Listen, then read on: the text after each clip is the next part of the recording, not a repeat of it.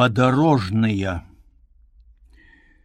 Як было ўжо зусім цёмна ўсхадзіўся і шумеў за сцяною моцны ветер.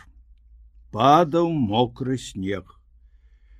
Нешчаслівы той падарожны, сказаў дядзька, якога заспела гэтая завейная ноч пасярод возера. Дарога цяпер цяжкая, ды і яе можна згубіць, блукаючы ў такой цямрэчы. Прамовіўшы гэта, ён паставіў запаленую свечку на падваконні, але ўбачыўшы, што мокры снег наліп на шыбы і ўсё в акно белае, быццам замураванае, паклікаў да сябе парабкай загадаў. Запалі свечку ў ліхтары, прымацуй яго да доўгае жэрткі, добра, каб не сарваў ветер, прывяжы да брамы. Выходь часцей з хаты, як пачуеш галасы падарожных адразу паведамі мне.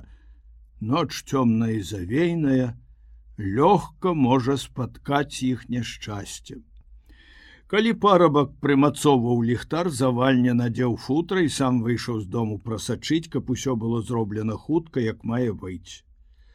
Праз гадзіну на панадворку пачалі скуголіць сабакі і хоць вы ў ветер ды шумелі густыя дрэвы вакол дома, можна было аднак пачуць галасы падарожных на самым беразе возера.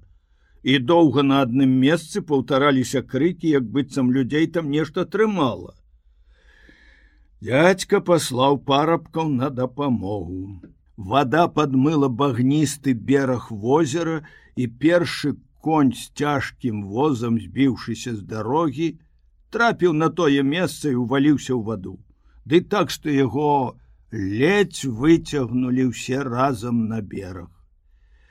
Пасля гэтага заязджае на падворак некалькі белых ад снегу вазоў выпраглі коней падарожныя зайшлі ў хату дядька каб іх сагрэць і падмацаваць кожнаму наліў ёмісты келішак гарэлкі і загадаў даць вячэру з умоваю, каб кожны з іх апавёў байку або гісторыю са свайго жыцця.